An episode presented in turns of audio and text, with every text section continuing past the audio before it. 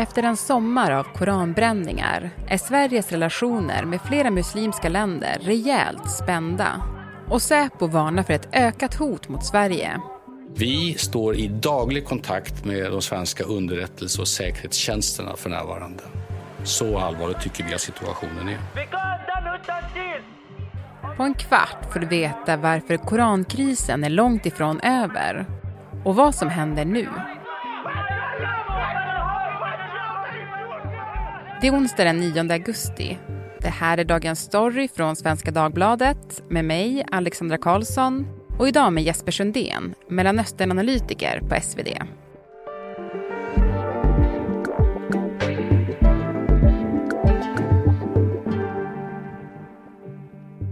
Korankrisen Jesper, mm. eh, för att vi tog semester så tog den ju inte riktigt paus. Nej. Eller hur? Nej, min sista dag före semestern handlade om koran. Då var det koranbränning och när jag kom tillbaka var det också koranbränning.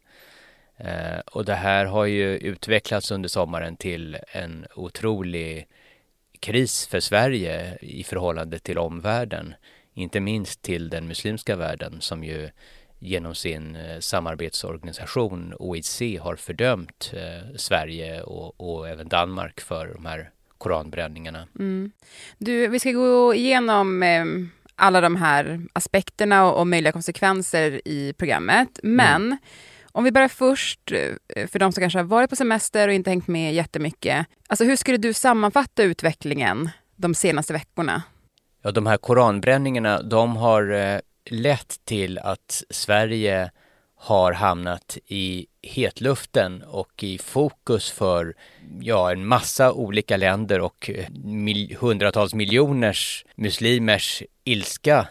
Och det här eh, har ju spätts på av Ryssland enligt Myndigheten för psykologiskt försvar.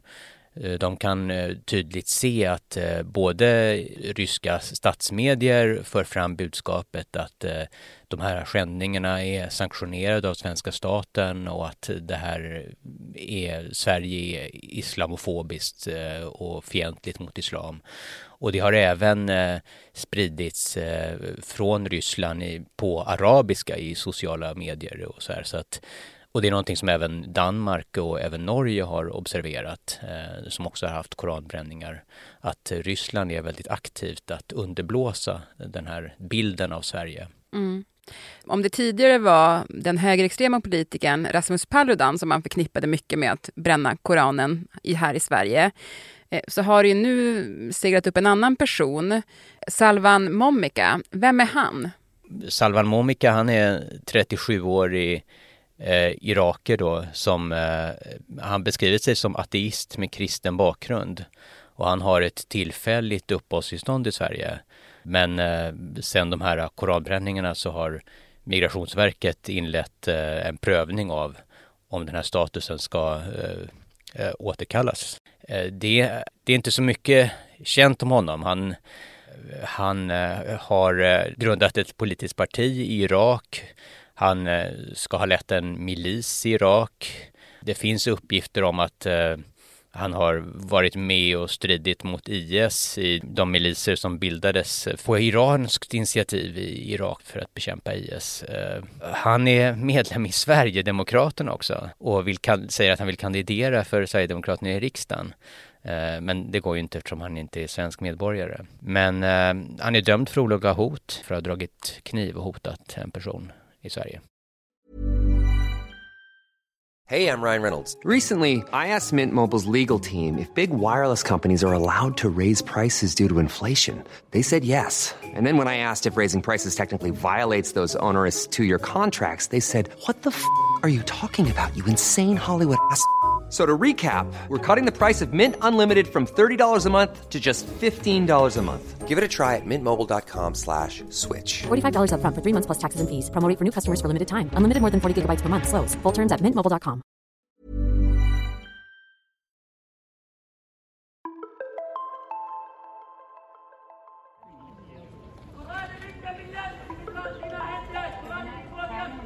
Det är i slutet av juni när en man i ljus skjorta och chinos ställer sig framför moskén på Södermalm i Stockholm. Den 37-årige aktivisten Salvan Momika tänder eld på en koran och sträcker upp den i luften inför åskådarna. Snart kommer reaktioner från den muslimska världen. Kuwait, Förenade Arabemiraten, Marocko, Saudiarabien och Irak kallar upp sina svenska ambassadörer. Och i Bagdad tar sig demonstranter in på Sveriges ambassad.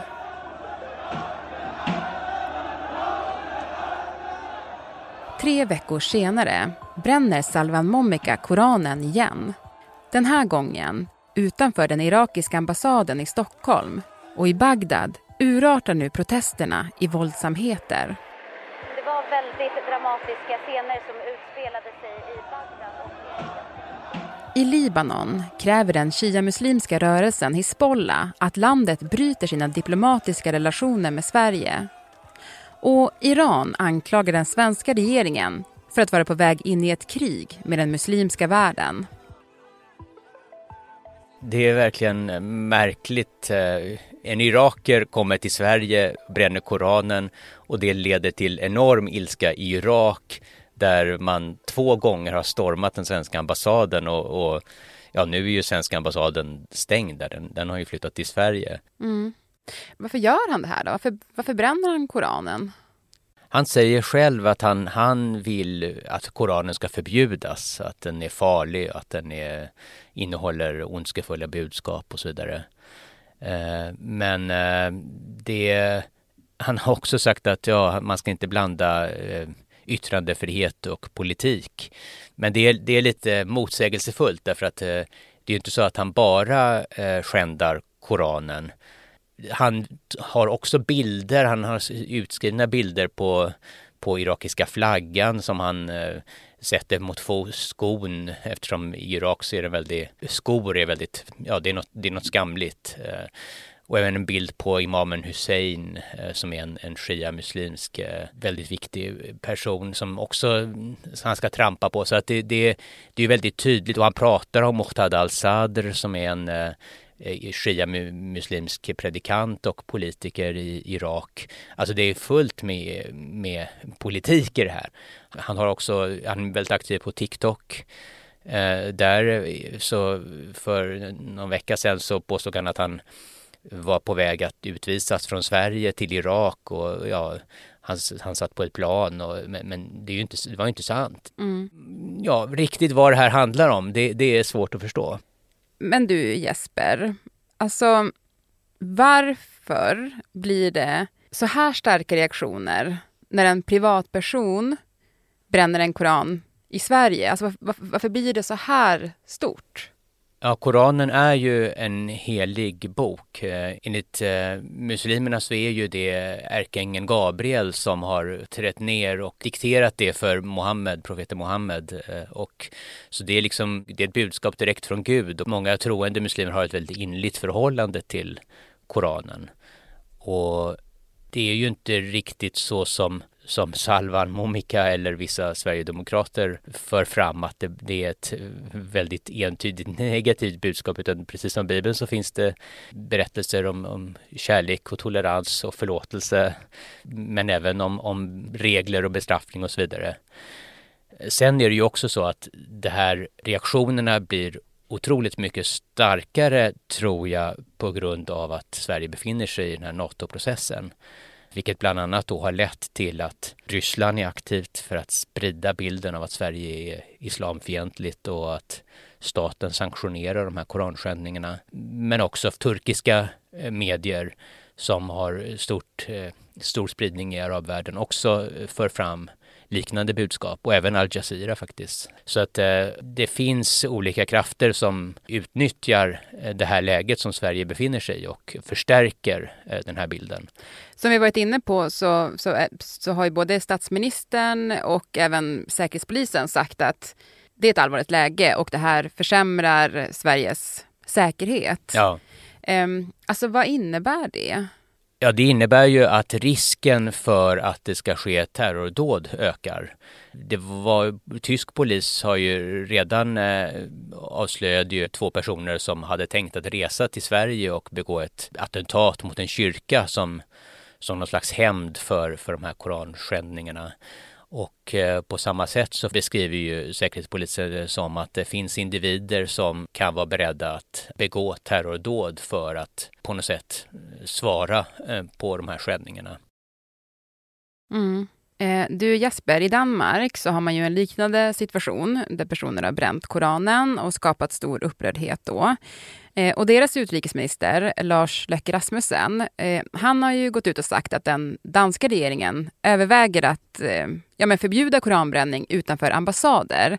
Vi kan lyssna på hur det har låtit.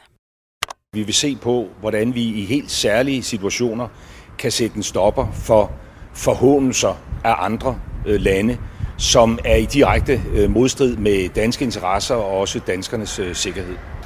Vi skal finde et øh, juridisk værktøj, der gør, at vi kan forhindre øh, koranafbrændinger foran øh, udenlandske ambassader i, Danmark.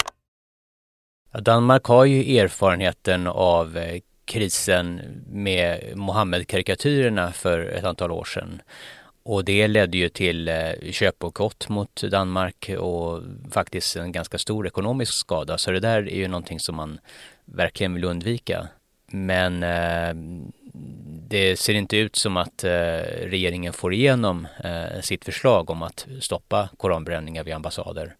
För att eh, inte ens deras stöd, alla stödpartier är, tycker att det är en bra idé. Mm. Ja men och det här är ju en svår fråga. Mm, mm, verkligen. För både i Danmark och i Sverige så är ju yttrandefriheten eh, helig och vi har väldigt mm. stark yttrandefrihet.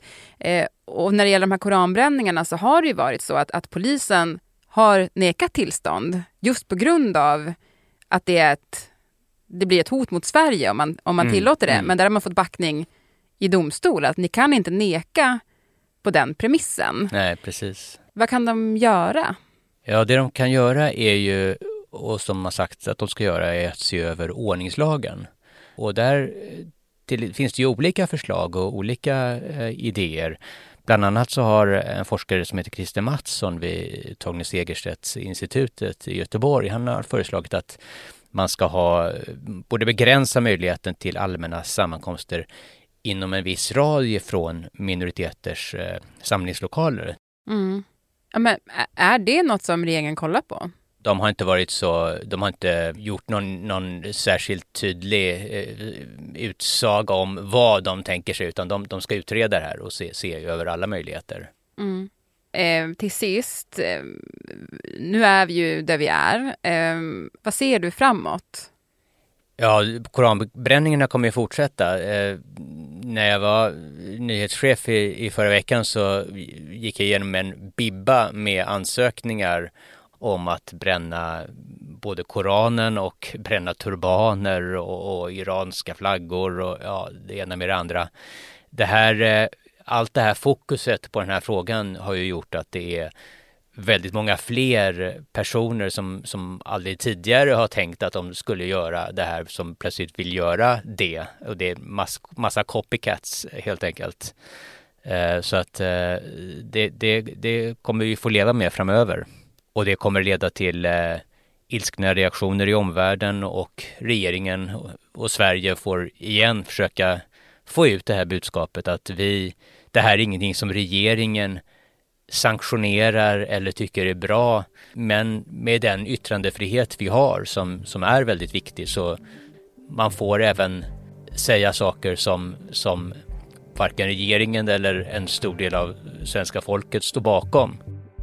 Fortsättning följer. Fortsättning följer, absolut. Tack så jättemycket Jesper. Tack Alexander.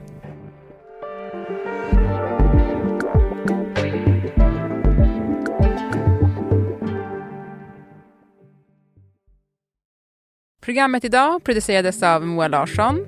Redaktör var Teresa Stenler von Matern och jag heter Alexandra Karlsson. Om du vill kontakta oss så mejla till dagensstory.svd.se. Och klippen i programmet kom från SVT, Sveriges Radio och Nyheter 24.